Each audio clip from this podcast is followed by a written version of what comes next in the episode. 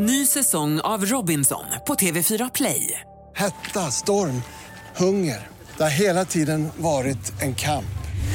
Nu är det blod och tårar. Fan händer just nu. Det. är Detta är inte okej. Robinson 2024, nu fucking kör vi! Streama söndag på TV4 Play.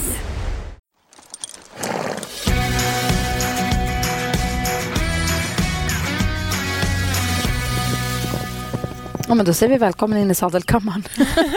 Hej Gry. Hej Rebecka, hur är läget? Eh, jag är trött just nu. Ja, jag- Det har varit en lång dag. Ja, jag också. Och inte ätit heller. Blir helt snurrig i huvudet. Så vi ber om ursäkt om vi är snurrig, snurriga nu. Ja, Ja. ja, vi ber om ursäkt i förväg. Men det kanske blir fnissigt och kul istället. Vi får Och det är se. väl så det är för de flesta, tänker. Vissa dagar blir lite regn. Vi jobbar ju tillsammans på Mix Megapol på morgonradio, så vi är uppe tidigt som attan.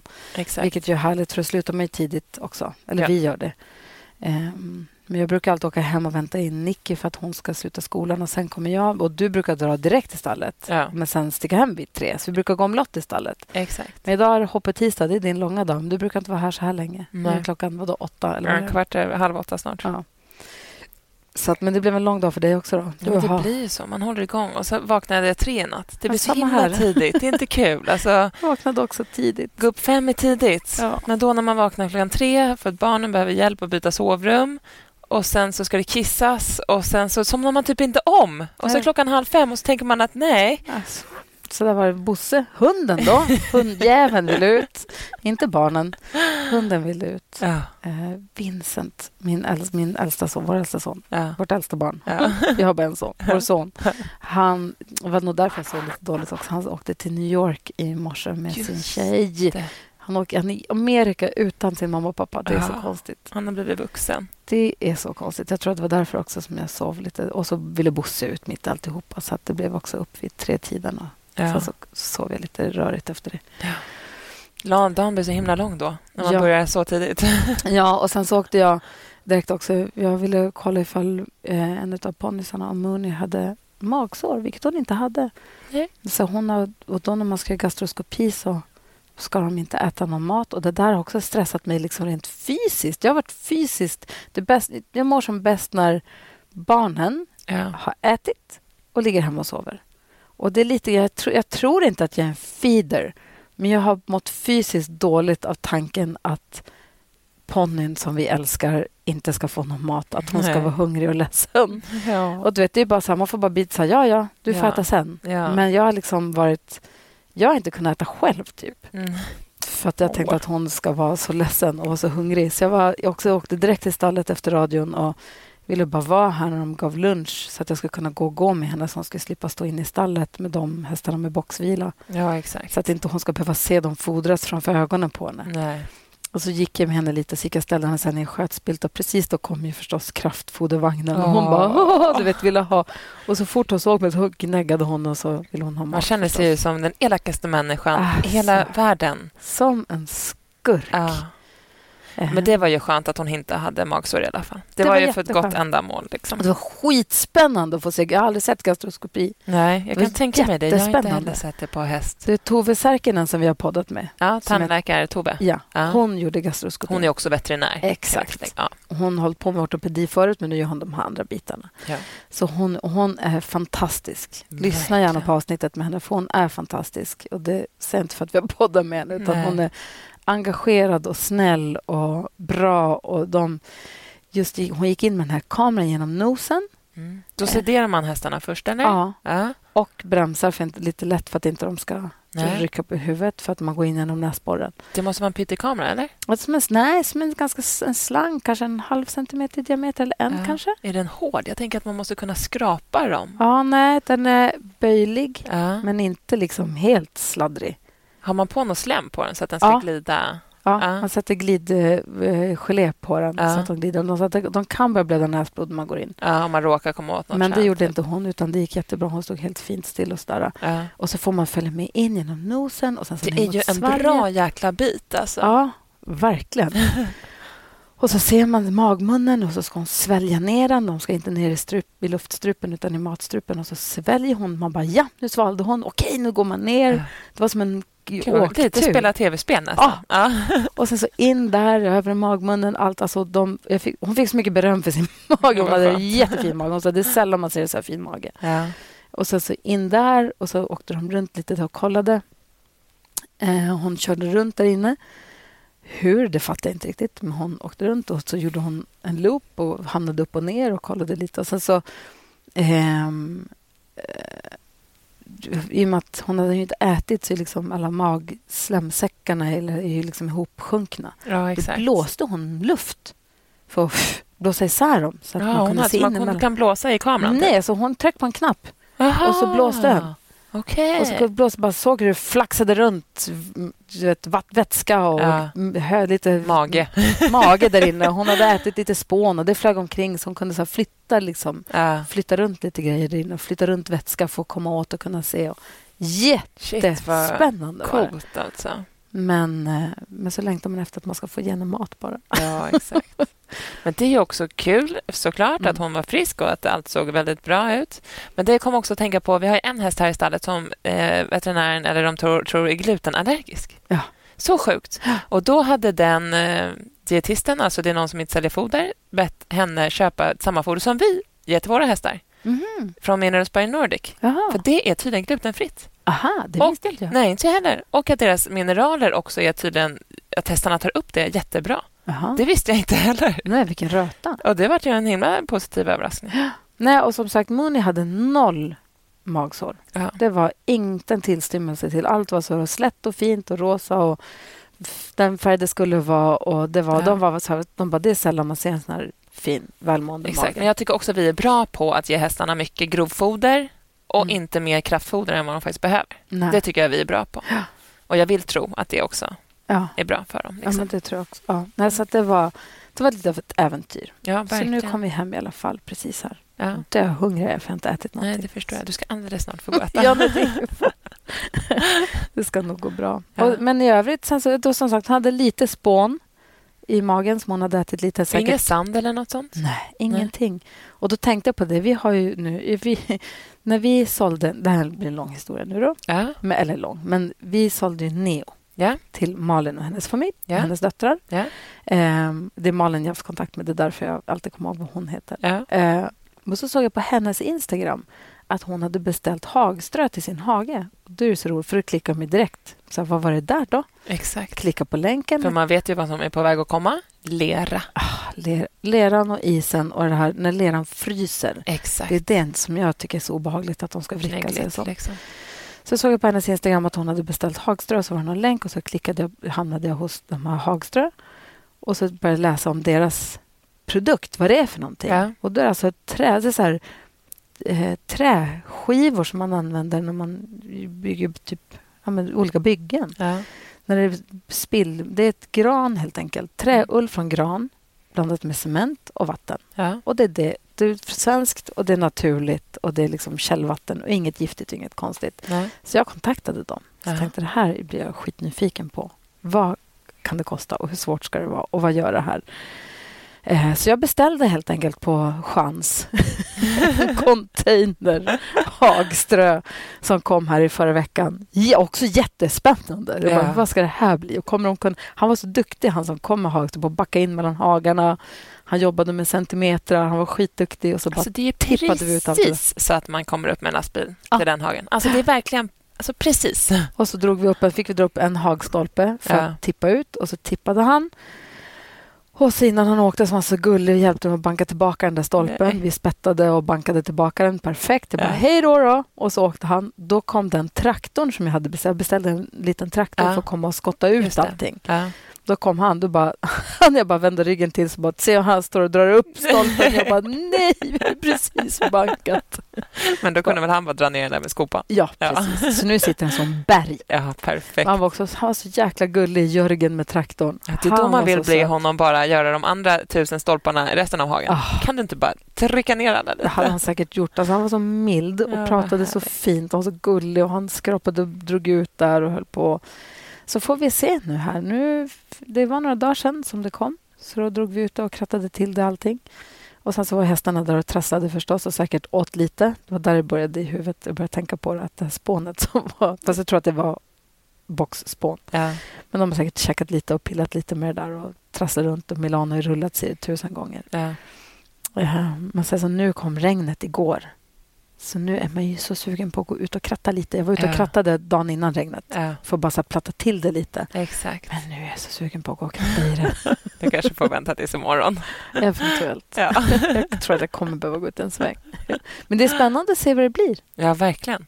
Alltså drömmen om det funkar. Tänk om det gör det. Man har ju letat efter det materialet. Ja, Jag har ju varit köpt grus några omgångar, några liksom hela tiden. Men det är ju också lite, det försvinner efter ett tag. ja. Och sen så vi får ganska rejäla pölar. och Så jag fattar att man inte man kan trolla bort allt. Men om man Nej. bara kan jämna ut det lite grann och Exakt. motverka lite av den värsta leran. Precis. Då köper jag ett till flak. Ja. Och framförallt när de äter vill man gärna att det inte är supergigga. Liksom. Ja. Det känns så himla också dumt att bara slänga maten rakt ner i Ja. klägget. Liksom. Ja, för de äter ju lunchhöet alltid ute. Exakt. Så vill man inte att de ska få i sig massa grus och sånt. Hur går det annars för dig? Du red Bravina idag. Ja, idag var det hoppet-tisdag för Hawking. Det gick bra. Bravina är gullig. Mm. Det är kul. Vi håller på att fortsätta att träna på att hoppa serier och studs och sånt eftersom att hon har tyckt att kombinationen varit lite läskiga. Eller hon vet inte hur hon ska få plats, hur hon ska göra. Hon ska hoppa allt på samma gång. Och det tycker inte jag.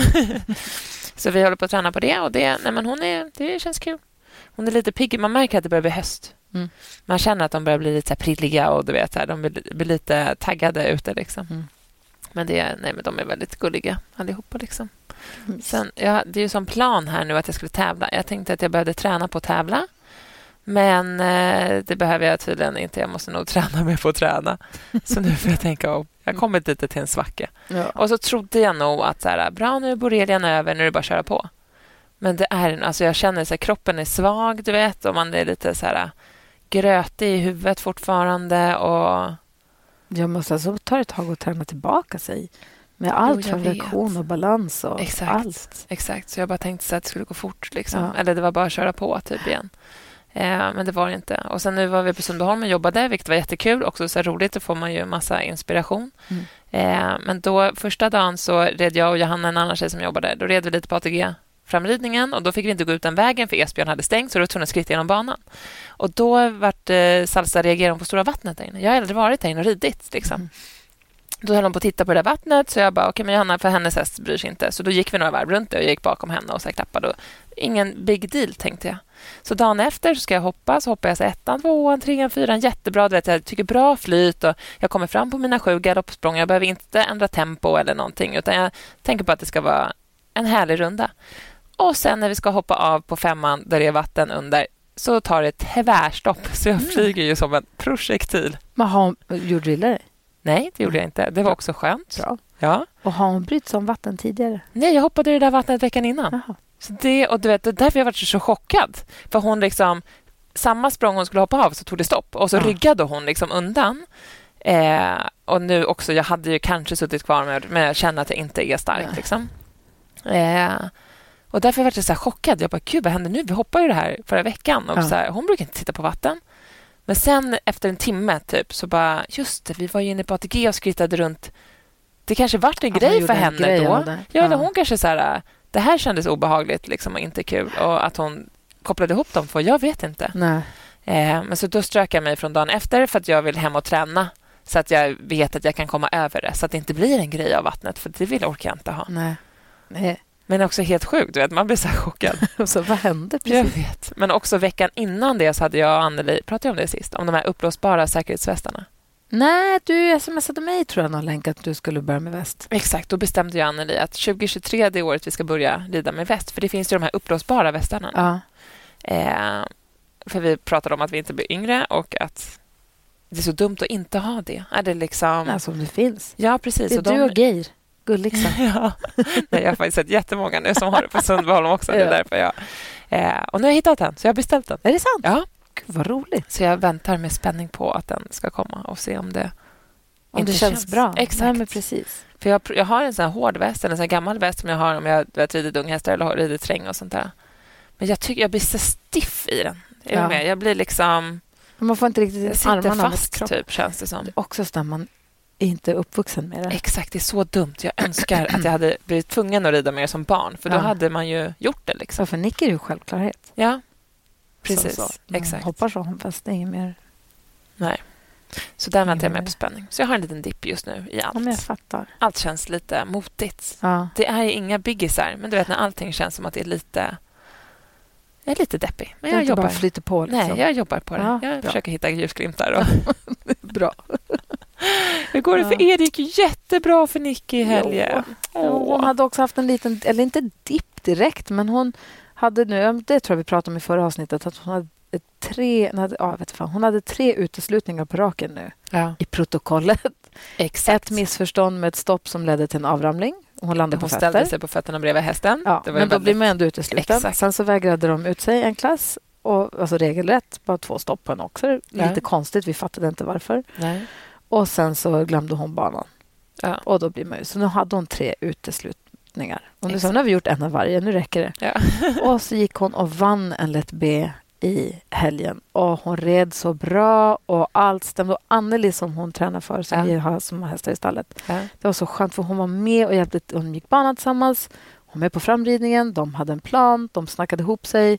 Och så höll hon planen och så vann de. Ja. Och Det var så jävla skönt att det bara stämde. Hon var så glad. Jag förstår det. Så glad, så glad, så glad. Och så just att hon gick in som etta och så höll det hela vägen. Alltså. Hon var så lycklig. Och sen så andra dagen så hade de, gjorde de samma sak och då hade de en plan. Och då sista hindren i omhoppningen så hade hon, hon skulle galoppera på sex. Hon skulle gå på stora så Hon skulle Ja. galoppera på, på sex galoppsprång. Men då vet jag inte riktigt om hon, hon drog på de första tre men sen var det som att hon slutade rida lite. Ja. Eller hon tryckte inte på oss in Nej. i det sista. Så då blev det lite missförstånd. Men där hade Milan verkligen kunnat bara tvärstannat och hon hade kunnat ramla av. Han Ja. hade haft rätt i det. Ja. Men han sa okej, tog ett halvt. Han, hon ville hoppa, han ville ta till. Och så trampade, du vet, så han plockade med sig båda bommarna, både fram och bakbommen. Ja. Och jag trodde hon skulle gå omkull. ja, han galopperar igenom också en liten. Ja, han liksom. cyklade igenom Ja. allting så att Ja. det bara for. Liksom, jag var lite rädd. Men. Och hade, men ändå så på en dundertid. De hade Ja. kommit två annars. Ja. Så att hon var så glad. Och det är Ja. så, så, skönt att hon Men kan man vara måste så också glad. våga satsa, chansa lite. Alltså, Ibland funkar det och ibland så går Och det också att följer hon kan vara glad ändå. Ja. Att hon inte blir arg eller missnöjd då, utan att hon, hon var jättelycklig fast det gick så där. Ja, Så det kändes jätte, jätte, jättebra. Det Gud, var vad kul. roligt. Ja, Gud vad kul. jätteroligt. Vad har vi här framåt då? Jag har den där SVB Week nere i Flyinge. Hoppas att vi kommer iväg. Det hade varit härligt. Det hade varit jätteroligt. Och har ni som lyssnar inte köpt biljetter än så gör det. Ja, Det är ju Katrin, jag kan aldrig säga Dafour. Exakt. som är testryttare i dressyren. Och Henrik von Eckermann då, som är testryttare i hoppningen. ja. Och han sitter typ på världens bästa häst. Ja. Det ska ju bli kul att... Och tänk att få bara se dem ur live. Ja, så häftigt ju. Ja, verkligen. Eh, och sen så ser man ju fram emot Elmia så småningom åka till Exakt. Jönköping och kolla på tävlingarna. Sen så är det en massa roliga tävlingar innan dess också. Ja, Om man har lust och möjlighet att åka på det. precis. Det vore ju väldigt roligt. Ja, verkligen. Eh, gud, vi har inte ens sagt, avsnitt. vi har inte ens sagt vem vi Nej. ska prata med. Gud, okej. Jag sa att vi var lite röriga. Nej, men vi glimtar ju, vi öppnade ju upp lite dörren för jockeyvärlden. Ja, Eller vi tittar in en helt ny annan del av hästsporten egentligen. exakt. För vi var ju på, ehm, nu vill jag säga Mantorp, men det är Jägersro. Jägersro Vi var i. Jägersro och träffade ju eh, PH Gråberg där Ja, som är jockey och skitduktig. Hur mycket har han ridit in? men typ så här 180-190 miljoner tror jag han sa. Han kommer Mm. berätta mer om det här i podden. Ja. Eh, och hans mål är ju nu 2000 lopp, löp, Ja. säger man va? eh, vilket han nästan var uppe i när vi träffade honom i somras. Ja. Så han kanske har eh, slagit det rekordet nu, vem vet? Ja. Nej, otroligt spännande och trevlig. Svintrevlig. Vi Jätte. pratade om hans jättelätta sadel och hans lite krokiga väg in i ridsvärlden. Han älskade inte hästar från början utan älskade farten mer. Ja, men han, det lära började ju med att han var liten. Han skulle ju börja äta tillväxthormoner för att bli stor. Just det. Och Då flyttade det in någon galopptränare tror jag det var, på gården bredvid som bara nej, du borde bli jockey. Fortsätt vara kort. Exakt. och då fick han testa att rida på en av, eh, av deras galopp, gamla liksom, galopphästar. Och då, som stack av i sken ut i skogen. Ja.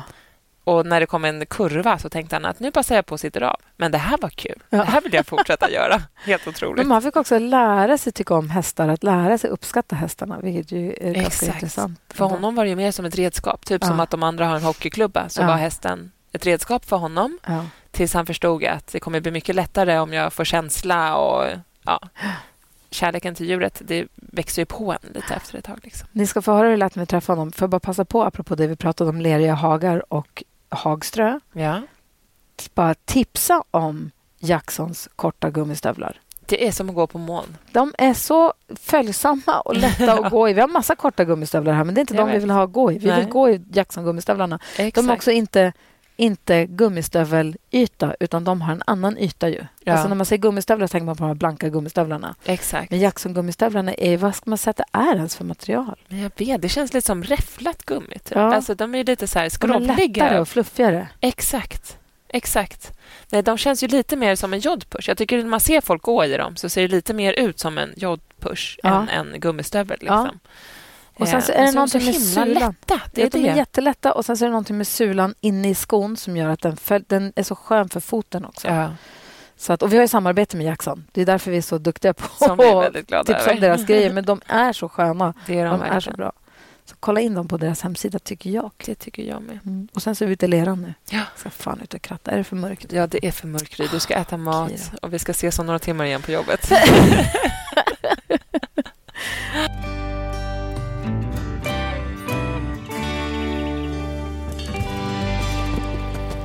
Ridklubben-podden har tagit sig till galopp, trav och galoppbanan Jägersro i Malmö och sitter nu med Sveriges meste jockey Per-Anders Bertil Gråberg. Bertil också. Det stämmer bra. Absolut. Välkommen till rid... Nu heter den här rid, ja, Ridklubben-podden. Då. Mm. Eh, och det är första gången som vi tänkte prata galopp. Hur är läget med dig? Jättebra, tack. Bra. Ska jag vara här. Ja, det tycker vi också. Jätte. Så, så stora ögon och öron. Man vill se vi suger åt oss allt vi kan här från den här. Det är som en helt annan... Det är så konstigt med hästvärlden att det, eh, vi håller på med samma djur, men det är så otroligt olika... Alltså det är såna, jag ska inte säga höga väggar mellan de olika genrerna, men det är ändå liksom helt olika världar. Ju. Helt olika människor och helt olika... Tyvärr så är det lite så. Eh, jag tror absolut att vi skulle kunna hjälpa varandra mycket mer än vad vi gör. Men det är liksom... Ja, blivit lite så bara. Eh, och även om det är folk som prövar riva de där murarna så är det ganska svårt. Liksom. Ja.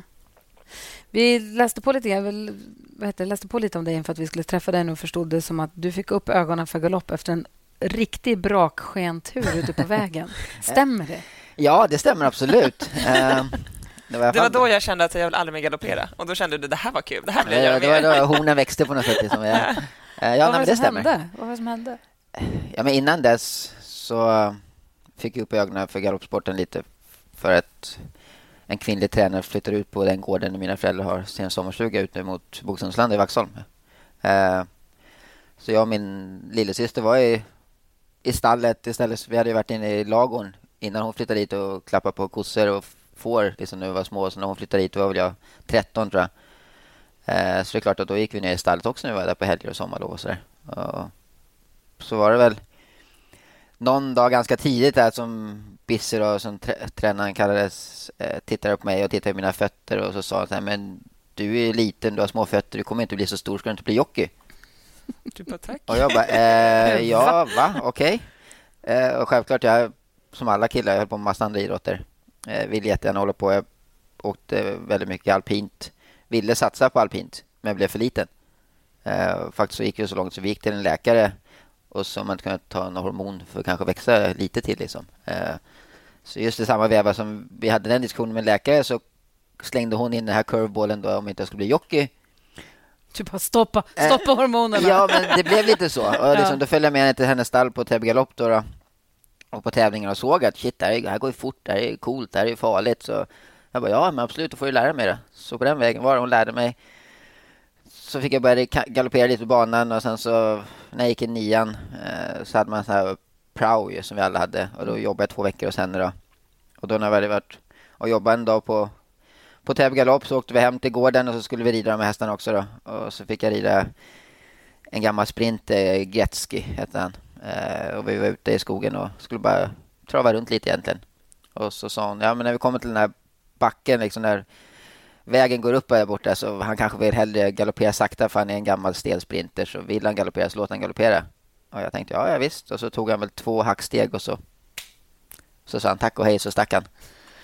Eh, och jag visste när jag kom upp för den där lilla ja, sluttningen så var det ju lite 90 grader höger, vänster eller taggtråd rakt fram. Jag valde, eller drog i vänstertyg så, så tog vi vänster och 500 meter senare så kom vi ut på Gamla Bogsundsvägen då. Eh, och den går ju som, ja de som varit där, den är väldigt kurvig. Eh, den är mysig att köra bil på. Ännu mysigare än motorcykel tror jag. Ja. kom över på rätt sida vägen i alla fall, såg 50-skylten. Jag tänkte shit, jag rider mycket fortare än 50 så jag kommer hinna ikapp någon här. Det här går inte. Som tur var kom jag aldrig ikapp någon. Jag mötte tre, fyra bilar eh, och skenade väl en och en halv kilometer där. Och så visste jag, snart kommer vi upp där jag måste svänga hö- vänster igen för att komma tillbaka till landet, till stallet, liksom den vägen. Annars kommer jag ut på stora vägen. Mm. Eh, men som tur var, strax innan det så halkade hästen till i en, en av de här kurvorna och tappade farten, så då hoppade jag av. Tänkte nej, nu, nu, nu är det aldrig, så jag hoppade av i farten. Förlåt att jag skrattar. Det, nej, nej. det är inte meningen. Eh, sen kom Bisse ikapp mig då på sin häst. Hon hade stoppat de här bilarna som jag mötte. Och liksom, har ni sett någon? Ja, han försvann ditåt. Liksom. eh, och då bytte vi häst där och då så tvingade hästen stannade ändå hos dig? Ja, tio meter senare, tror jag. 15 var typ så oj, vad gjorde du då? Nu ska inte jag springa mer. Ah, okay. Eh, så när hon kom ikapp oss så slängde hon upp mig på den hästen hon red istället och tvingade mig galoppera hela vägen hem på den för att jag inte skulle bli rädd. Mm. Eh, men där och då så bara, shit, det här är ascoolt. Det här går fort. Liksom. Du kände inte att du var rädd då? Eller? Nej. Nej. Däremot kände jag rädsla. Första gången jag skulle gå i startboxarna och springa av en häst så fick jag sitta på den här Gretzky igen. Och det var första gången jag satt på honom efter. Ah, och det var just. säkert ja, drygt halvår i alla fall senare. Ja. Eller kanske ännu mer. Vad jag inte visste då det var att tränaren gett han lite lugnande medel så han skulle vara snäll och inte vara explosiv. Men då kände jag, då blev jag väldigt spänd liksom. Av, ja, för att säkert rädslan kom fram. Liksom. Ja, kroppens eh, ja. Hur länge har du jobbat som jockey nu? Jag red mitt första löp 91. Uh -huh. Blev professionell 95. Ridit ungefär 15 000 löp. Och vunnit 2 000? Nästan 2 000. Ja, jag har jagat 2 000. Jag har väl till dagens datum tror jag har är det 47 kvar något sånt till 2000. Du ska rida ikväll? Nej, ja. du, är bara, du skulle rida riktiga lopp ikväll också. Jag rider tre löp idag Va? och sen så är det hästarnas mästare också. Just det. Mm. Och de segrarna får jag väl inte räkna med tyvärr. Nej. Vi måste prata om hästarnas mästare sen. Jag vet att du har legat i träning. Det ska vi också prata om. Det är kul tycker jag. Men, eh, och ridit in hur mycket pengar? Jag vet inte exakt, men det är jag runda slängen någonstans mellan jag säger 180-190 miljoner. Till hästägarna, inte till mig såklart, men till min ägare. Ja. ja. det är så vansinnigt mycket pengar ja, och också vansinnigt mycket framgångar som du har haft under alla de här åren och motgångar har jag förstått det som. Ja, absolut. Och framförallt så var jag väldigt dålig i början så det tog många år innan jag fick framgångarna. Mm. Eh, jag var en jättedålig lärling.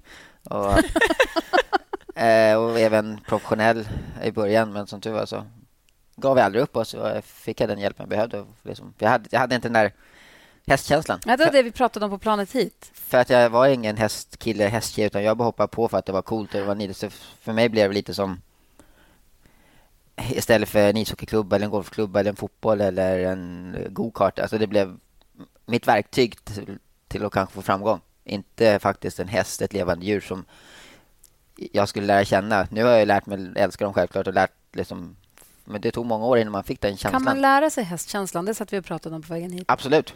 Absolut. Eh, annars hade jag aldrig suttit här. Jag hade noll känsla från början. Och det är ingenting man måste ha med sig från början? Utan det går Nej, jag tror säkert det hjälper om man börjar tidigare och kanske går den normala vägen genom ridskola eller hoppning, alltså vanlig ridning. Det tror jag absolut, men nej, det går att lära sig, ja. eh, helt klart. Men det tog många, många år när alla sa att du måste få känsla. Jag förstod inte alls vad de menade. Men så plötsligt så, oj, nej, men nu, nu kanske börjar jag förstå lite i alla fall. Så helt klart det går att lära sig. Hur har du gjort för att lära dig det då? Nej, egentligen bara fortsätta rida mycket. Absolut. Men jag var... Ja, när jag var lärling och ung jockey så åkte jag alltid till eh, Los Angeles på vintrarna och red där i träning. För att få rida med världens bästa jockeys och väldigt bra hästar och sådär. Och slippa vintern självklart. Uh, och då red jag med de här världsartisterna och de försökte förklara för mig. Liksom, gör så här, sitt så, du har den här känslan. Och jag gick in där och ut där och jag bara, ja, jag förstod inte liksom. Det kanske tog tio år, så då helt plötsligt, ja men nu förstår jag vad han sa för tio år sedan. För nu får jag faktiskt den där feedbacken tillbaka. Som jag, aldrig, jag tror säkert hästen försökt skicka mig feedback från början men det bara studsar för jag... Ja, var inte jag, mottaglig. jag var inte liksom. mottaglig, Nej. precis. Eh, så när det där väl börjar ticka in liksom så, så Du sa förut att den stack iväg i hack. Kan du beskriva för oss de olika galopperna? Ja, men jag går en hack, Ert, galo- ert hästspråk. ja, hack i kanter är ju snäppet kanter. hack i kanter. Ja. Det är snäppet snabbare än trav egentligen. Bara att de faller över i en lätt galopp liksom, och rullar jättesakta. Och sen så går de ju upp till en vanlig kanter. Det kanske är ja, 50-55 procent av full fart. Då. Och sen kan man gå upp till, som vi kallar en steeplekanter. Eh, då är det uppe i 80-85 procent och så går det fort. Då går det ju fort. Liksom. Jag tänker man ska försöka jämföra det med om man rider, när man sätter rid en hopphäst på en hoppbana, Ja. den typen av galopp. Om det går att jämföra bara så man får en känsla av hur fort det faktiskt är. Jo, men då skulle jag säga att det är kanske snäppet precis över hackkant egentligen. Men du vill inte tappa... Du vill inte skena in mot hindret till en hoppning. Eller det går, alltså, om Nej. inte omhoppning självklart sådär. Men det har jag sett. Men eh, då är det mest att de rullar på i ett, ett jämnt fint tempo ju. Eh, om jag drar man ner till kilometer i timmen så våra bästa hästar kanske kommer upp i 65 70 ibland om det är riktigt snabba sprinters. Och går hackkanten så kanske det går 15 kilometer i timmen. Och så växlar det upp däremellan liksom. Det är så sjukt. Det, jag tror det är också lite svårt att föreställa sig hur fort... Man har ju, jag har ju sett det på tv och nu på sociala medier. Men jag tror det ska bli så coolt att se. Det är första gången jag ser det live idag. Det ska bli så coolt så man faktiskt ser hur vilken power det är. Då ska ni gå ner och stå vid, vid boxarna. Och Ja, det har- det när, de när de också springer förut. av. För de har, det är säkert någon startar på 16 eller 17.30 på upploppet. Ja. Hur det bara smattrar till och de, det finns inte en bil eller motorcykel som hänger på den accelerationen första 20 meterna. Sen såklart att något, Ja. de hinner ikapp men du sitter får 500 kilo häst och är de riktigt snabba så känner du verkligen nästan sjunker två decimeter och så, så sticker de bara iväg som en liksom, raket. Eh, det kan jag fortfarande än idag få sådär, det är som adrenalinkick av. Ja. Eh, och det är ascoolt. Eh, vi har ju inte så ofta längre men tre, fyra gånger om året så har vi sådana här supersprintlöp som är, kan vara allt från 400 till 600 meter. Och då går det ju bara full fart. Det är lite som, kan jag tänka mig, ponnygalopp indianöverfallet. Så man får bara ja! och det är, bara, det är roligt. Det är inte Ja. så mycket taktik och inte sådär men det är en väldigt kick liksom. Ja. ja. Så intressant. När den här podden släpps, då har det redan varit. Men vi är ju här i Malmö för att det är ett event här på Jägersro som heter Hästarnas mästare. Mm. Då är det du, det är Selma Hammarström och det är en kusk som heter Emilia Leo och det är... Nej, det är ni tre. Nej, missar jag nu. Inte. Pontus? Jo, Och Pontus. Pontus, Ja, Pontus. Hugosson, Ja. precis. Ska mötas i ponnytrav, galopp och hästhoppning. Mm. Alltså hoppning. Och jag vet att du har varit och tjuvtränat. Du har tränat, det heter inte tjuvtränat. Du har tränat hos Lena Bredberg. Absolut. och hon har sagt till mig att du har talang Ja, för det, detta. Och hon undrar om du kan tänka dig att byta genre. hon frågade mig när jag var där också faktiskt om jag skulle köpa en hopphäst. Så sa jag, när jag pensionerar mig kanske kan jag göra det. Och när är det då? ja, det, inte än hoppas jag, men det kommer ju närmare det också självklart. Eh, ja, nej, men jag känner ju Lena lite för att min dotter. Eh, så jag lånade min dotters D-ponny och så var jag med på en av... Vi bytte, Ah, ja. vi bytte bara ryttare på en hopplektion där. För hon, din dotter ska rida SM. Ja, Ja. precis på sin D-ponny. Mm. Eh, så på det vägen har jag lärt känna Lena lite. Min Thea, min äldsta dotter, hon tycker egentligen fälttävlan är roligare än bara hoppning. Men den här som hon har haft nu har varit bättre på hoppning så det blir med den inriktningen. Men det har fortfarande varit på Stora Väsby eh, fältryttarklubb. Blir du nervös när, de, när barnen tävlar? Mm, nej, det tycker jag inte. Eh, jag ska, ska inte säga om jag är bra eller dålig idrottspappa sådär, men Thea eh, vill helst inte att jag ska vara där. För jag tror jag är lite för... Tack vare att jag inte kan hoppningen så tycker jag att de, är, de kommer i mina ögon med en ursäkt att det var en lätt rivning. Alltså, men det är fortfarande en rivning liksom, och då kanske jag är lite kritisk. Ja. Min yngsta dotter som håller på med fotboll, som jag kanske förstår mer, hon vill jättegärna att jag ska vara där. För hon kan ta den kritiken på ett annat sätt. Men det är nog för att jag inte riktigt är insatt i hopp eller ridhästvärlden egentligen. Jag ser det mer från mina ögon som, som jockey då. då. Eh, och det kanske har varit lite för rak. Ny säsong av Robinson på TV4 Play. Hetta, storm, hunger. Det har hela tiden varit en kamp. Nu är det blod och tårar. liksom. Fan händer just det. Är detta inte okej. Robinson 2024, nu fucking kör vi! Streama söndag på TV4 Play. Ett poddtips från Podplay. I podden Något Kaiko garanterar östgötarna Brutti och jag, Davva, dig en stor dos skratt. Där följer jag pladask för köttätandet igen. Man är lite som en jävla vampyr. Man har fått lite blodsmak och då måste man ha mer. Udda spaningar, fängslande anekdoter och en och annan arg rant. Jag måste ha mitt kaffe på morgonen för annars är jag ingen trevlig människa. Då är du ingen trevlig människa, punkt. Något Kaiko, hör du på Podplay. Därför är gardinerna. Lena skrev någonting också om att ni hade, hade, hade ni övat fallteknik eller hade du gjort det? Jag har haft kurser i fallteknik Ah, med, med hennes ryttare också. Ah. Ja. Berätta om dem. Nej, men det, det är ju viktigt att lära sig falla. Med, eh, jag lärde mig det egentligen i det alpina när vi hade när man trillar i eh, störtlopp eller super-G någonstans så måste man rulla ihop och liksom försöka ta smällen på axeln och rulla ifrån hästen. Eh, och det är väl det jag försökt hjälpa dem med lite också. Och hur tränar man det då? Ja, men då har vi stått på pall eller borden och sen så får man hoppa ner och rulla liksom eller något sånt där. Eh, tyvärr har vi ingen maskin till det. Vi, de har ju det i England så har de ju faktiskt en mekanisk häst som åker på ett, en räls och så bara tvärstoppar den och bockar. Så man kan lära sig trilla av. Aha. Eh, det har ju tyvärr inte vi här i Skandinavien då. Gud, Eh, sån hade jag behövt. Läskigt känner jag mest. ja, det är nästan läskigt för då vet jag att du ska trilla av. Så Exakt. spänner man sig ändå. Ja, När man trillar av normalt så blir det ju... Okej, man kanske känner att oj, nu, nu går det inget bra. Men Nej. Jag har själv inte provat den där avramlingsmekaniska hästen då, men eh, det ser lite brutalt, brutalt ut faktiskt. Men hur mycket tränar ni som jockey, så här fallteknik? Är det något som nej, ingår? Nej, eller det är det bara... inte. Ja, nej, det är det inte. Men jag tyckte ändå tack vare ja, Ter och min dotter och så, de var där så att vi skulle i alla fall gå igenom det, hur, hur man ska försöka tänka. Jag tror att det är supersmart egentligen. Det tror jag alltså dumt att man inte man ramlar av, det gör man ju. Ja, ja, det är, ju- så är det ju absolut. Och du ser de som landar platt lite stumt, det är de som rillar sig. Ja. Alltså om man kan få lite flyt i det och på något sätt så, så har man i alla fall en bättre möjlighet att klara sig. Jiu-jitsu, man kanske borde träna någonting sånt egentligen. Ja, men det är lite samma sak. Ja, visst. och- Absolut, Det var absolut. gymnastik, så Ja. man bara jublar av där lite Gjorde du kullerbytta senast? alltså, jag har små barn, göra Ja. kullerbytta, det är... Och jubla och sånt. Man var ju bra på det när man var liten. Ja. Dumt att man Det är för att man slutar. vågade göra det Jag tror inte ens jag skulle våga göra det Nej. idag. Nej. Nej Men hur tränar du förutom ridningen? då? Jag vet att du cyklade, cyklade Vättern runt Ja, och drar små cykelturer till, stallet också. Ett kors och tvärs över halva Sverige, känns det som. Ja, lite blev det så. Jag var tvungen att få in så många mil jag kunde in, innanför det här. Så jag cyklade till, till bana i Bro, och bana i Stockholm och så red jag löp så cyklade hem. Hur långt cyklar du då? Nej, men det var bara sex mil enkel väg och så fick jag tävla så cyklade jag hem. Bara. Eh, för det, det är så mycket tävlingar då. Vi har tre, fyra, fem dagar i veckan någonstans i Skandinavien så det är inte, inte helt lätt att få ihop det där. Eh, och så är det väl...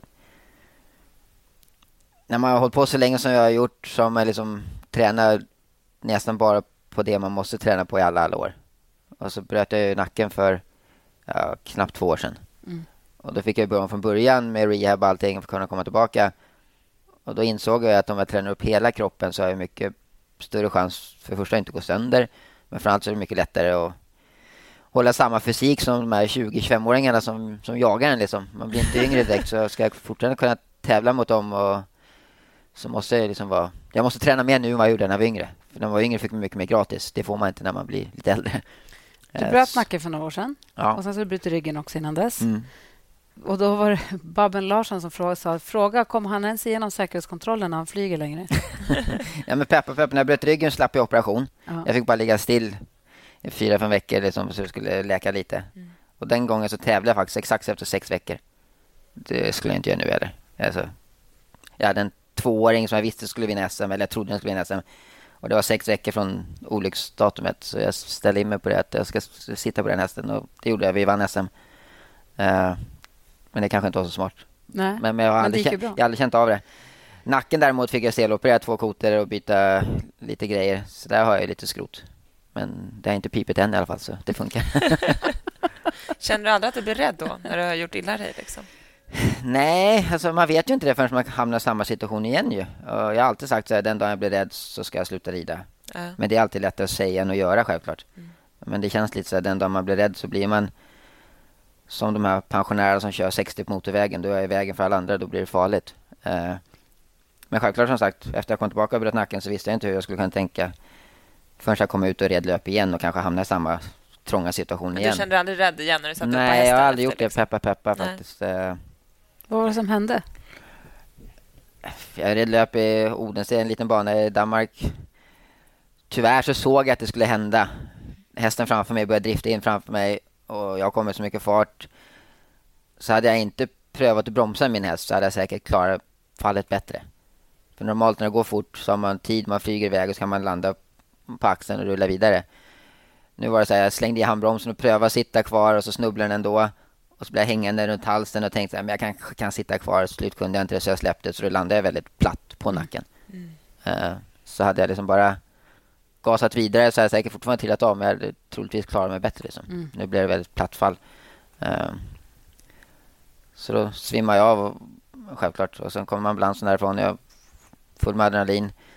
Så de lät ju mig gå från banan och gå in i ambulansen själv. Det är helt Ah, galenskap. med Det, typ, det var typ det värsta hittills. Ja, ja, nej, alltså, jag, det visste jag inte. Jag brutit Åh. nacken då, så åkte jag in till sjukhuset Åh. och låg där flera timmar. Så kom jag tillbaka och sa att nej, men du har brutit nacken. Bara ringa hem till min fru och säga att jag brutit nacken. Det var illa när jag bröt ryggen och ringa hem.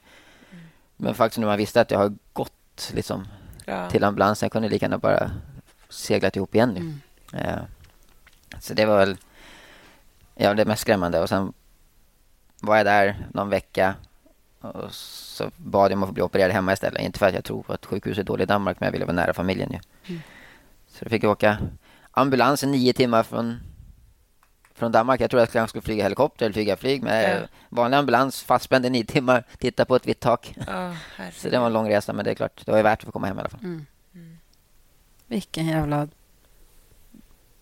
grej. Verkligen. Men hur, du... Eh, jobbar du bara som tävlingsjockey eller trä, hur ser din vardag ut hemma?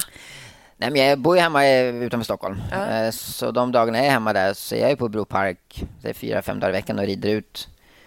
Och ja, två olika tränare normalt. Eh, Så jag kanske rider en fyra, fem hästar i träning på morgonen då. Ehm, Och sen åker jag hit kanske, eller Norge eller någonstans och tävlar på kvällarna oftast ju. Har ni mer egna hästar när ni tävlar eller tävlar man hästar på plats? Eller hur funkar Både och. De reser med hästarna absolut. Inom Skandinavien reser de ganska mycket hästarna fram och Ja. tillbaka. Eh, För att hitta de löp som passar och sådär. Så det... Ja, nej, det är både och. Absolut. Men apropå Babben Larsson som jag hänvisade till alldeles nyss. Hon är ju lite, för många otippat, eller det är många som inte vet om att hon äger galopphästar och Ja. är superengagerad i galoppen och i sina hästar. Jag red hennes häst här för tre veckor sedan. Jag ska rida den nu igen nästa vecka, en tvååring. Som Jaha. startade första gången ut, så var jag tvåa på den. Och ska den starta nu... 12 tror jag den ska starta. Gud, vad roligt. Och hon är där och ger dem morötter. Mm. Ja, hon är jätteengagerad. Ja. Jag ska inte säga exakt, men jag tror hon äger liksom delar i många hästar istället Ja. för bara en häst. Så har hon spridit ut riskerna, eller vad man ska säga. Och det är ju roligare självklart att Ja. vara delägare i flera hästar. Uh, alltså, jag vet inte hur mycket hon har, men jag, hon stannade mig när hon körde från stallet. Ah, tack för att du red min häst. Det var därför jag visste att hon ägde den här Ja. tvååringen. Hon- Ja, vet man inte sånt innan man hoppar Nej, på men hästen? ofta står det ju bara en s- stallnamn. Om de är flera stycken så heter det ju någonting. Ja. Och ibland kommer många ägare in i det och hälsar innan man hoppar upp på hästen. Eh, absolut så kan man, kan man prata lite med dem och sådär. Men Ja. hon, hade, hon kom inte in den gången. Men hon var ju tydligen där då, men hon kom inte in. Eh, Jag kör lite inkognito. så om det är för att hon ja, inte vill synas eller ingen aning. Men hon var i alla fall inte där och hälsade. Liksom. Ja, annars är det ofta att de, ja, man får gå fram och prata med ägaren och tränaren och försöka lägga upp en plan. Liksom. Så här ska vi, ja, ska vi göra så här idag då? Pröva med det här. Men Har du några egna hästar som du äger? Nej, inga galopphästar. Nej. Bara, bara några ridhästar till familj och barn. Eh, Ja. Men vi har haft några få galopphästar genom åren, absolut. Um, framförallt för ja, Cissi min Jag tänker om du rider in alla de här miljonerna, varför rider du inte in dem till dig själv? Varför vill du inte äga hästen själv? Det är inte så lätt att hitta de där hästarna som ska... Faktiskt, jag köpte en häst eh, från ägare som också skulle starta SM. Så sa jag till, för mig, jag har aldrig velat köpa hästar. Det var nog den första hästen jag köpte. Så jag kom till familjen och sa nej men jag har köpt den här hästen och en hästägare. Och Cissi, min fru, hon bara va? Du vill ju inte ha häst? Jag bara nej jag vet men den, jag tror den vinner SM om en månad. Och så vann vi SM och så kom jag hem, nu säljer vi den. Det, är- den står fortfarande kvar där hemma. Nej. Så jag blev lite nedröstad. jag tyckte så här, bra vi kan tjäna pengar och så säljer vi den och så perfekt. Ja. Men han ätit upp här pengarna för länge sedan. Så, och jag ser väl, jag ser väl den andra sidan istället. Liksom. Eh, jag har inga problem med att och skulle ha sålt den dagen efter de hade fått. Liksom. Nej. Eh, för jag vet att den kan lika gärna gå sönder tredje dagen efter. Eller, och, och har jag en häst och den startar så måste jag rida den. Jag kan inte rida mot min egen häst, självklart för spelsäkerheten. Och blir det då ingen bra häst man lyckas hitta så måste jag ändå sitta och tävla på den. Liksom. Nej, du får, nu, jag förlåt att jag är korkad, men du får alltså inte förstås rida ett lopp mot min mot egen en häst. häst som Nej, du själv äger. Nej. Som Eller, jag min, eller min familj Jag äger. får inte, din Nej, dotter får okej. inte rida hästen du äger i samma lopp som du rider en annan häst. Nej. Nej, för då, det blir spelsäkerheten. För då Ja. kan jag lätt, oj jag glömde visst eller råkade släppa förbi den. Liksom. Ja, det, Ja, exakt. så, så det är lite sådana saker Och därför är det kanske också. inte så många jockeys som äger hästar. Nej, precis. Så blir det ju ofta. Hur mycket Aha. kontroller är det där? Att man inte... Jo, men du måste ju ansöka, eller liksom, även om jag kan gömma mig bakom ett stallnamn Ja, så vet ju fortfarande förbundet vilka som står bakom det. exakt. Så det är klart att de skulle stoppa det självklart. Och Ja, precis. skulle det slinka igenom och det kom fram i alla fall så skulle inte ATG bli så, så glada heller självklart. Så Nej. det, det är en del av sporten självklart och det Ja, exakt. får man respektera. Ska vi köra en lyssnarfråga? Ja, gärna. Vi har massa lyssnarfrågor Ja, till dig. Också. Vi har en från Mikaela. Hon säger så här. Dottern älskar ponnygalopp på A-ponny. Hur går vi vidare utan egen ponny och närhet till bana? Oj, om man inte är närhet till bana så är det ju svårt självklart. Annars har det ju sagt... Det finns ju både i Stockholm och här tror jag ridskolor som har riktat in sig lite på det. Att de har... Jag menar, som uppe i Stockholm eh, så har de ju hästar som startar just A och B-ponny så man kan då hyra in sig på den hästen när den startar. Ja, okej. Eh, Men är man in, inte i närheten av en bana, det är klart, det gör ju saken svårare. Men jag tycker fortfarande man ska kontakta Svenska lopp eller ponnygaloppen och, och fråga, för det kanske finns någon som bor i närheten. Eller? Så man kan fortfarande låna häst eller hyra eller komma in i det. Eh, för jag menar, ja, min fru jobbar ju med ponnygaloppen väldigt mycket. Mhm. Eh, så de har ett nätverk ändå. Så jag tycker absolut man ska kontakta Svenska lopp och, och se om det kanske finns någon granngård eller någon närheten som faktiskt har en B-ponny som har tävlat eller de vill pröva att tävla. Eh, Hur svårt är det att- bli jockey? Alltså hur lång resa är det från att jag börjar kanske... Om vi säger att den här flickan är tio år då, Mm. och tävlar lite ponnygalopp. Hur, liksom, hur mycket behöver man träna och hur kontaktar man hästar? Eller hur liksom, blir man jockey?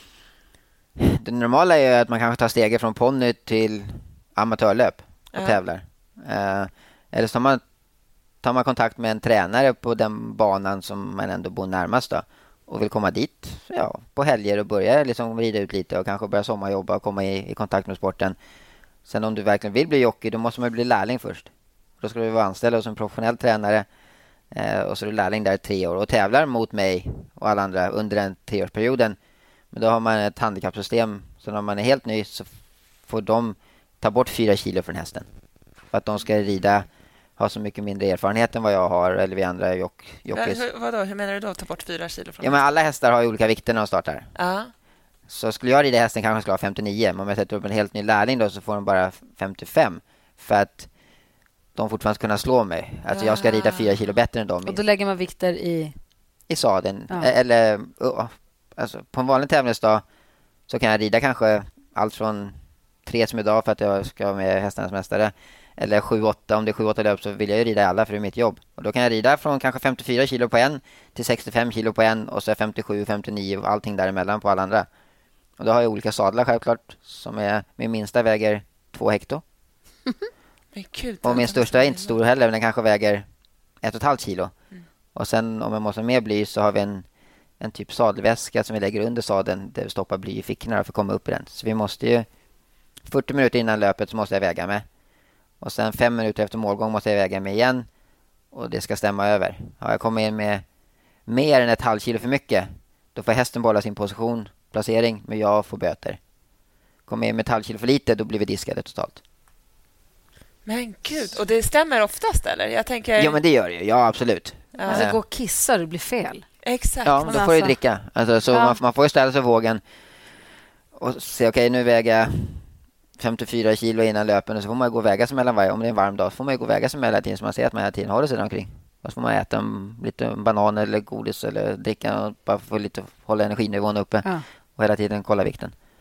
Ehm, så det är inte som en, en boxare, en brottare som bantar och väger in och sen Och kan sen ju är de gå hem och Nej. och för att de ska boxas dagen efter. Utan Jag behöver aldrig banta, peppar peppar. Men jag har många kollegor som sitter där nere nu. Ja, ni kanske såg en kille sprang fem varv runt banan när ni satt och åt lunch. Ja. Ja. det är för att tappa vikt.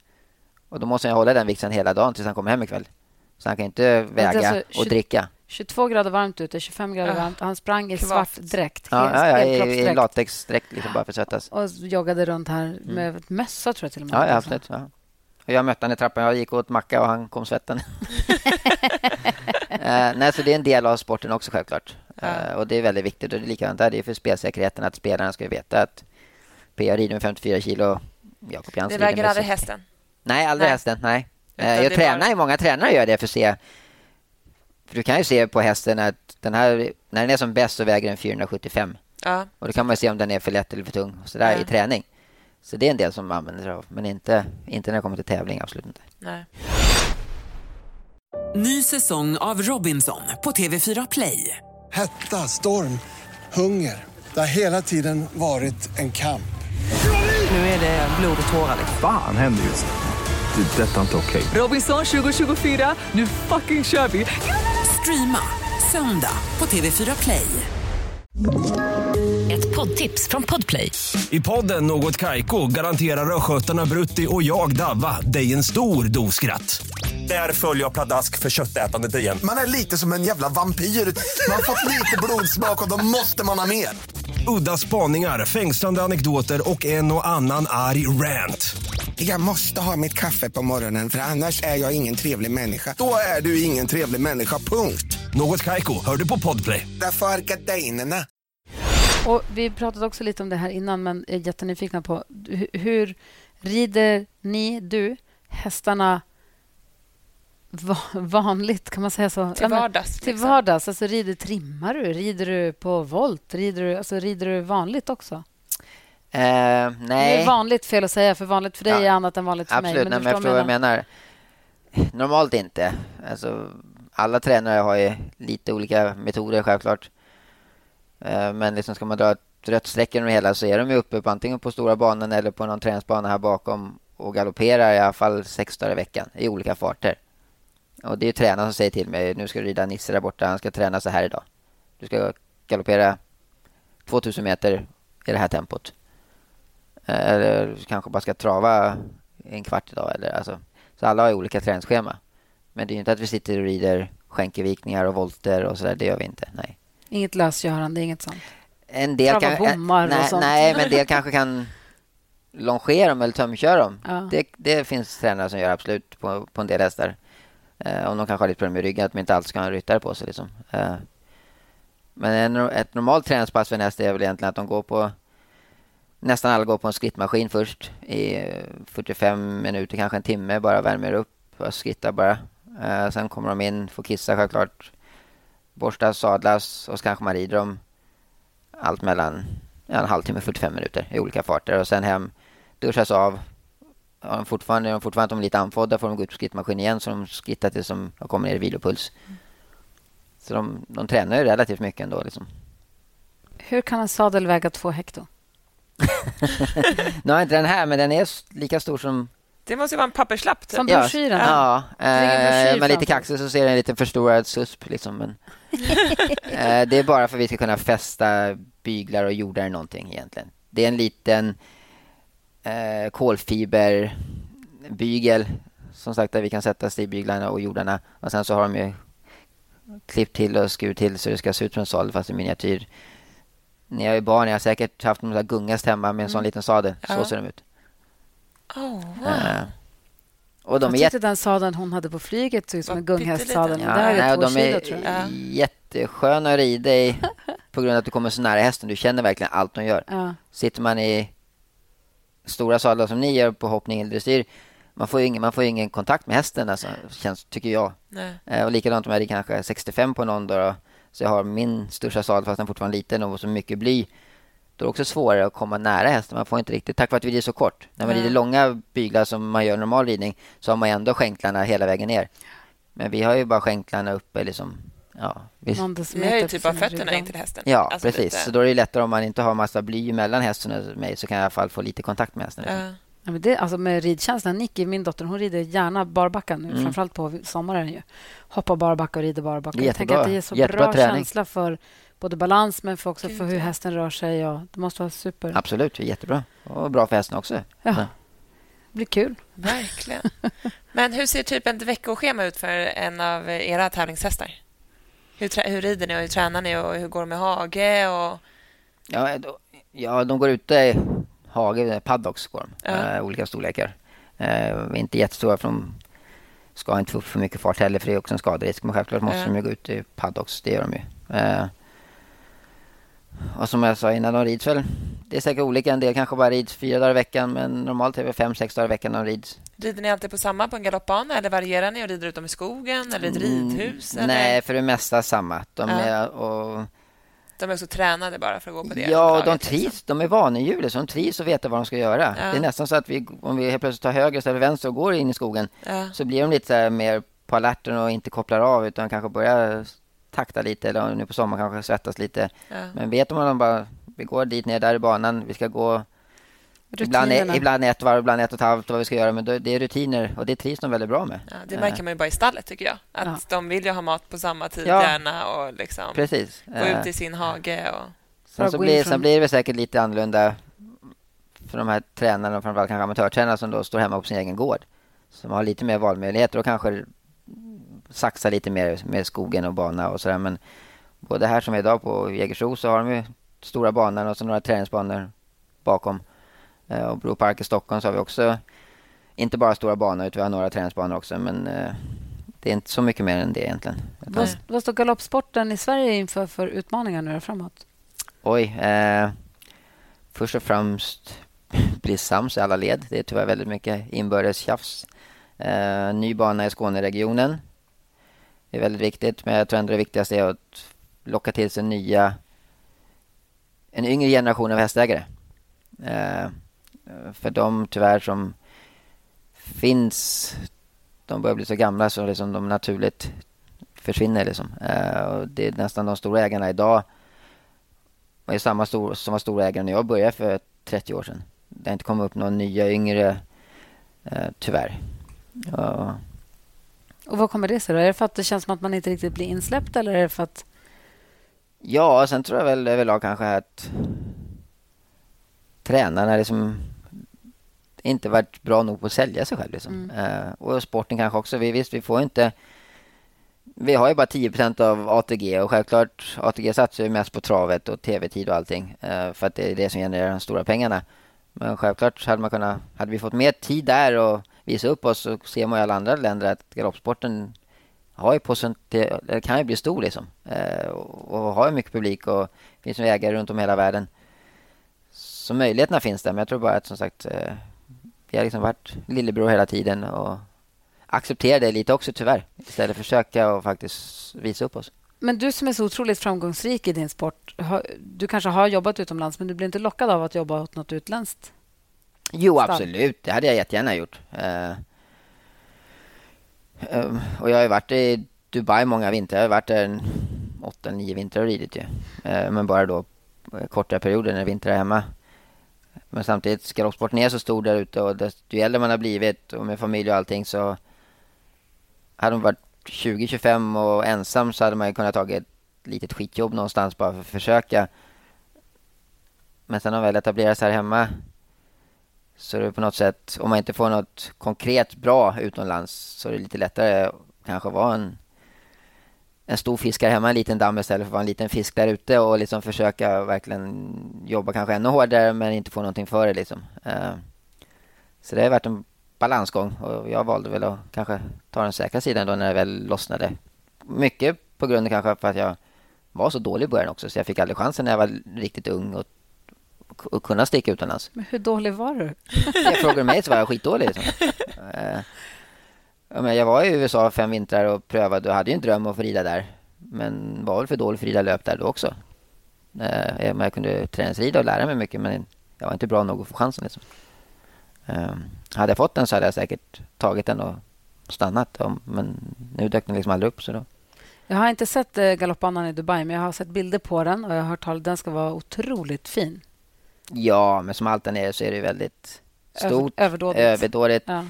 Eh, hela läktarbyggnaden med hotell i och för sig är en kilometer lång. Mm. Alltså, det är bara att allting ska vara stort. Mm. Eh, men självklart på Dubai World Cup-afton när det är 50-55 000 människor där och den är full så är det en fantastisk atmosfär vid det. Jag menar, första gången jag gjorde det så var det lite... Man gick ut och nästan lite tjuren när man bara wow, rygga tillbaka liksom. Eh, och så när man väl kom på hästen så är det ju på kontoret igen. Då är det okej. Men just att gå ut och se alla människor som är där för att titta på ja, oss som tävlar. Det var lite så här, wow. Eh, självklälart. Hur är det att komma iväg så där utomlands? Och blir, får du träna hästen du ska tävla någon gång innan? Eller blir du bara tilldelad en häst? Att, Eh, både och. Absolut. Just i Dubai så har det varit mycket skandinaviska hästar som åkt dit. Så då har jag känt dem lite hemifrån. Ja. Eh, men de åker någonstans i Europa på, på sommaren så här nu. Då är det någon ägare som ringer upp och frågar kan du rida Kalle på söndag i någonstans. Eh, och då har jag aldrig ridit en Och hur är det? Är liksom hästarna ganska lika varandra och du är så trygg i vad ni ska göra så att det är ingen, inte liksom Ja, konstigt? det beror på eller? självklart. Hästen, en del är trygga, en del är inte trygga. Och, eh, och då slår ju rutinen in väldigt också när man har gjort det så många gånger förut så att det hjälper till. Sen har vi ju liksom från när den sekunden jag hoppar upp på hästen så har vi 5-10 minuter till starten går. Ja. Och då galopperar vi ner och det är då jag får läsa av hästen och bygga en uppfattning vad jag tycker och tänker. Sen har självklart tränaren sagt vad han tycker och tänker och Exakt. förklarat allting. Men det är väldigt viktigt. Det är lite som man går ut med en ny hund första gången i koppel. Om du är nervös så blir hunden nervös Ja. och skäller eller aggressiv. Eller hästarna är exakt likadana. De läser jag av mig på 10 sekunder. ja, precis. Så det är väldigt viktigt att jag ger en positiv känsla till dem och förhoppningsvis inte måste bråka med dem på något sätt utan vi kan känna som vi samarbetar och få en positiv liksom, flöde eh, och känna att vi kan koppla av och göra det vi, vi är där för att göra. Eh, Och därför, det är ju inte alla hästar man passar i 100% med, så är Nej. det. Alltså, och då, jag kan ju rida en häst i löp och kan komma, tillbaka, komma tillbaka till ägaren och tränaren och säga att nej, jättefin häst men jag får inte ut allt tyvärr. Jag, det känns som det är liksom inte riktigt där. Då är det bättre om provar med en annan ryttare nästa gång. Ja, Och, och det är ganska viktigt att man säger det så man inte bara försöker. försöker igen. Liksom. Då är det Nej. bättre faktiskt att nej men det, här, det funkar inte liksom. Nej. För så är det ju, och så har jag också känt. Eller liksom, Ja, ja. Är, ju- de är personer också. Eller så. Såklart, absolut. Och det Men har du alla. suttit upp på någon häst någon gång när du känner att bara så här, "Eh, fy fan, jag måste av på en gång? Ja, absolut. Men jag måste ju fortfarande tävla. Liksom. det har hänt någon gång, men det är bara kvalificeringslöp. För de måste ju visa upp sig innan de får tävla på riktigt en gång. Och då har det varit några hästar som har varit så pass dumma så jag hoppat av och sagt nej men det här, det här rider inte. Liksom. Där får ni bara gå hem med. Ja. Och vad har de Ja. gjort då? Rest sig och... Ja, att man känner att det kan lika gärna bara gå galet liksom. Ja. Både för mig och hästen. Och det, Ja. då funkar det inte. Nej. Rebecka undrar, eh, vill att vi ska fråga dig vad man behöver för egenskaper för att bli en bra jockey.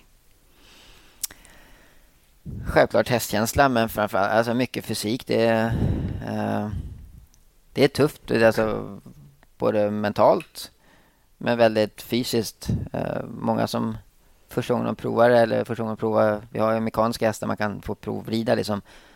Det är, det, är- det är hårt, det, det ligger många timmar träning bakom det liksom.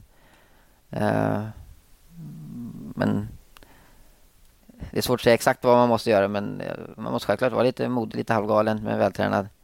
Eh, och helst ha känsla för djur då, absolut. Så spännande. Men för jag tänker, jag var på... Den var i och för sig trav som jag tittade på, men det känns som att det är inom ridsporten, då, i, i, i hoppning och dressyr, så är det, så det är lite, det är lite tillrättalagt, det är lite fint och det är lite applåder och någon blir glad eller man gör någon liten gest i luften. Så, ja, Ja. nu gick det bra eller nej, nu gick det dåligt.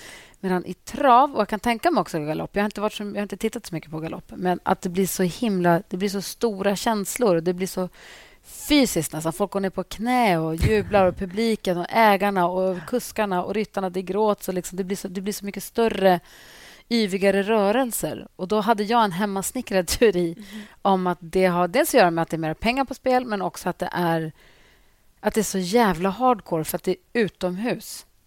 Alltid. Ja, det är det ju. Det, det ska ju vara en sommarsport men det, det kan ju vara kallt och blött. Och... Ja, det ska ju tränas året runt. Ja, men absolut, Alltså, det, ska det. ändå, alltså, det, det går ju liksom inte att träna de här sporterna inomhus. Vi kan ju alltid gå in och träna Ja. om det regnar eller snöar och vi kan ha tävlingar inomhus och sånt.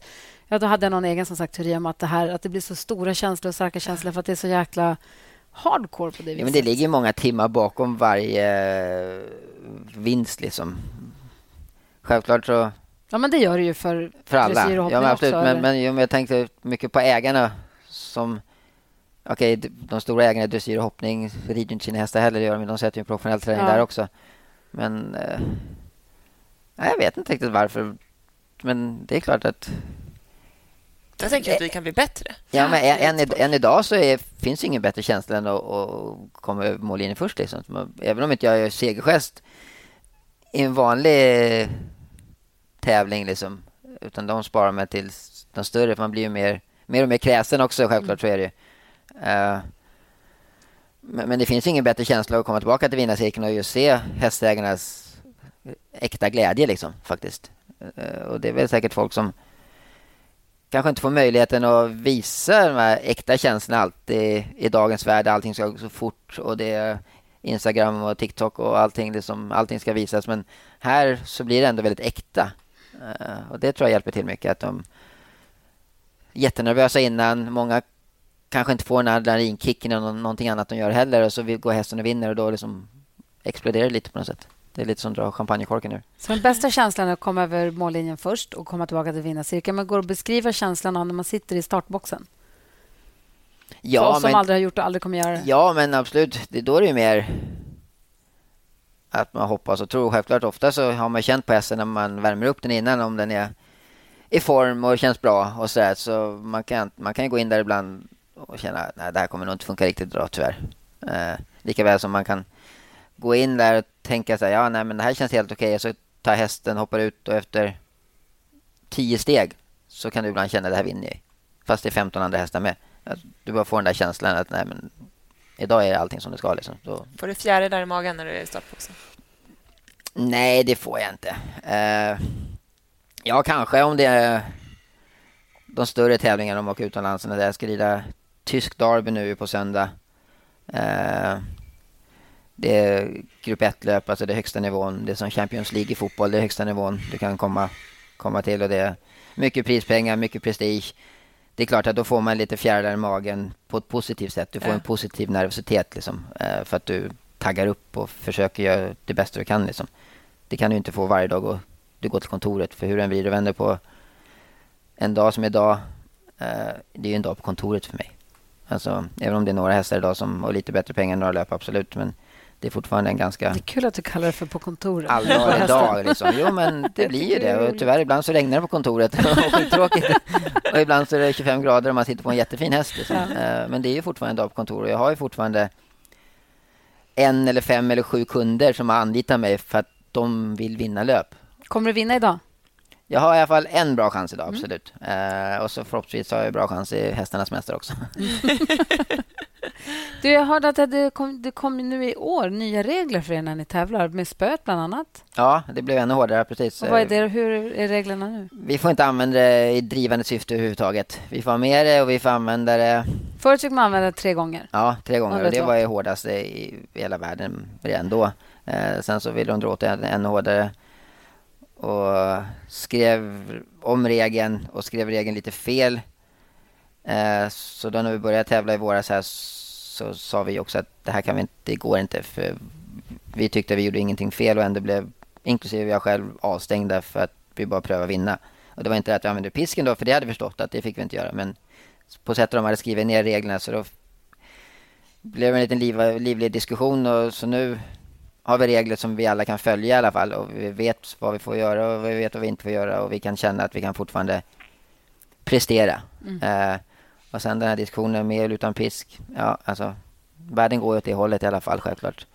Ehm, så, så som det är nu så får vi bara ha med den och använda den ifall hästen försöker springa av banan eller vingla till ordentligt och håller på att störa eller rida omkull någon annan. Alltså för att styra upp en farlig situation får jag använda den. Men jag får inte använda den med drivande syfte att försöka få hästen att springa fram fortare. Och er pisk, er pisk, den är annorlunda mot för alltså ett hoppspö. Ja, våren är ju vadderad. Som är, så den sista två decimeterna på slutet är ju nästan bara skumplast typ vadderat. Så när du använder den, om du slår själv i handen så, av, så gör det ett ljud. Så det är mer ljudet hästen reagerar på än att de faktiskt känner den. Så som jag sa, vi hade ju jättehårda hårda regler innan och den där cushion stick som det heter, den används ju redan i hela världen också. Eh, men som sagt, eh, ja, Sverige ligger lite före alla andra också där. Mm. Och så får man tycka och tänka själv. Man, mitt jobb var ju lättare när jag fick använda den, helt klart.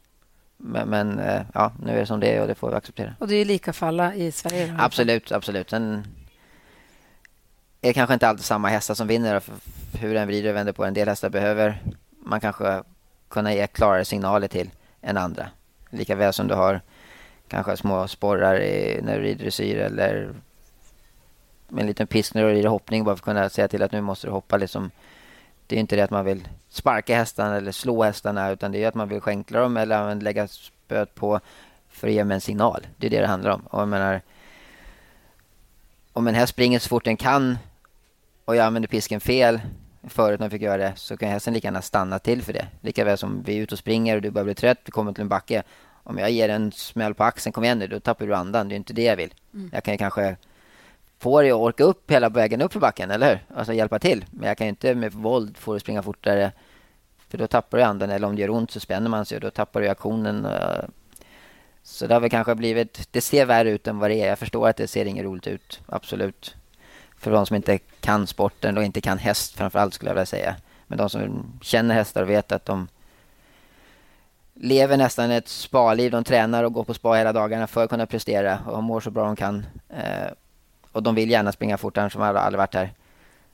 Eh, de mår inte dåligt av det, men såklart ögat. För ett otränat öga så ser det, inget, ser det inget roligt ut. Så är det. Eller? Men det är väl på väg att ändras också inom hoppningen, eller Ja, hur? Man pratar väl jättemycket Ja, om ja, men det kommer, den diskussionen går aldrig att komma ifrån. Det blir ju, världen blir ju mer och mer alltså, Ja. försiktig eller ordentlig eller kalla det vad du vill. Ja. Vad har du för mål nu för kommande år? Eh, Ja, nej, men året har börjat bra. Det rullar på jättebra. Jag satsar väl att jag ska försöka komma upp i 2000 segrar innan säsongen är slut. Jag var tvungen att vinna 80 löp i år för att hinna fram. Jag har sagt jag väl vunnit ja, 35 eller 37 eller vad jag sa. Och, Och Ha- 53 kvar. ja, halva säsongen har inte gått så jag tycker nog det ser, ser bra ut. Eh, Så det är väl målet, självklart. Slutar du då? Nej. Nej, jag sa faktiskt en gång i tiden 2000 segrar eller 50 år ska jag sluta. Ja. Nu blir jag 48 i sommar och snart 2000 segrar. Så jag, men nej, jag tror inte jag slutar. så, så lätt ska de inte bli av med mig. Gud, vad roligt. Vi ska se vad klockan är. Ja, nej, men vi får runda av helt Ja. enkelt. Det är så. Men så intressant. Vad roligt att få träffa dig. Och bli inte överraskad om vi hör av oss igen här framöver med ännu mer frågor vad det lider. Det är bara att ringa. Och lycka till ikväll. Nu kör så det ryker. Då. Det ska vi pröva, absolut. Ja. Får hoppas att ponnyn lider. Ny säsong av Robinson på TV4 Play. Hetta, storm, hunger. Det har hela tiden varit en kamp. Nu är det blod och tårar. liksom. Fan händer just nu. Det. är Detta är inte okej. Robinson 2024, nu fucking kör vi! Streama söndag på TV4 Play.